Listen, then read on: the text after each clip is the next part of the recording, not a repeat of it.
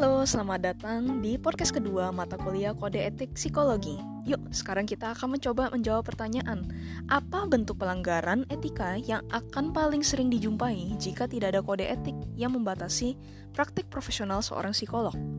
Baik, sebelum kita kenali dulu nih, ada lima prinsip umum dari kode etik psikologi. Yang pertama itu beneficence dan non-maleficence.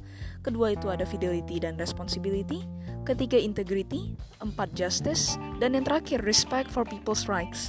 Nah, apabila tidak ada kode etik psikologi, maka akan terjadi pelanggaran yang tentunya bertentangan dengan lima prinsip ini nih. Pelanggaran itu bisa kayak apa sih?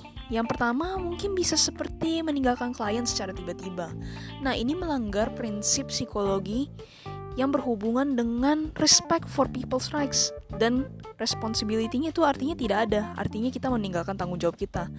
Kemudian mungkin masih bisa dalam bentuk pemberian treatment apabila kita nggak memberikan treatment yang paling baik untuk kita punya klien itu udah melanggar prinsip integrity Nah, sebenarnya masih banyak lagi nih bentuk-bentuk pelanggaran yang ada di luar sana. Oleh karena itu, kita harus berhati-hati ya dalam uh, mengimplementasikan praktik kita sebagai seorang psikolog. Oke, baik. Terima kasih. Sampai jumpa di podcast berikutnya.